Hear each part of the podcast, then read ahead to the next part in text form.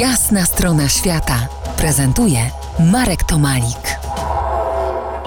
Moim gościem dziś Jakub Krzeszowski, twórca projektu Jazz po polsku. Rozmawiamy o trwającym od sześciu lat oswajaniu polskim jazzem Azji Środkowej.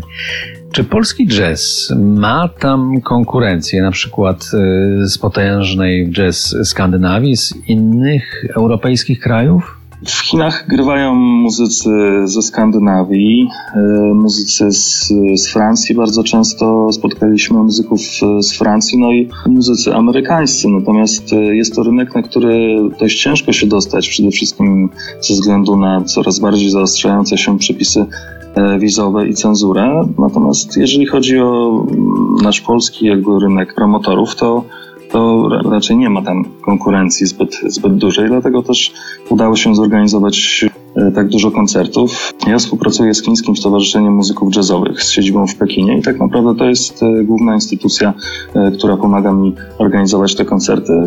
Mimo wszystko jest też sieć festiwali, klubów, centrów kultury, z którymi rozmawiam bezpośrednio. No i przez te wszystkie lata udało się stworzyć naprawdę bardzo fajną sieć kontaktów, która, która procentuje. Pewnie słyszałeś, że w Stalinowskim Związku Radzieckim saksofon był instrumentem zakazanym jako symbol imperialnego zepsucia. Nie porównywałbym tego do współczesnych Chin, choć y, to też państwo rządzone, rządzone twardą ręką.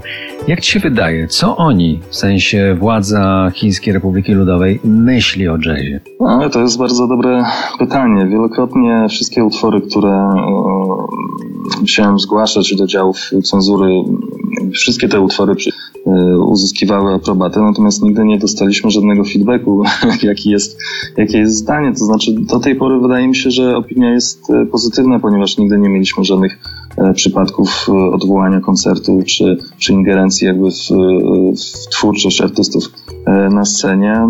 Bardzo mocno przestrzegane są zapisy dotyczące jakby poprawnego zachowania na scenie, czyli, czyli żadne komunikaty czy, czy, czy wypowiedzi właśnie na tematy polityczne E, są, są bardzo mocno niewskazane. Natomiast co do samej muzyki, to jest to muzyka mm, improwizowana i w większości bez słów, także nie ma w, w, tej muzyce jazzowej, jeżeli nie ma w nim tekstu, takiego bezpośredniego przekazu, który można by w jakiś konkretny sposób zinterpretować. Także wydaje mi się, że tutaj można by dostrzegać ewentualnego też sukcesu tej muzyki na rynku chińskim.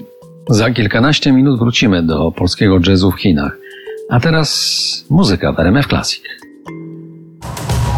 To jest jasna strona świata w RMF Classic.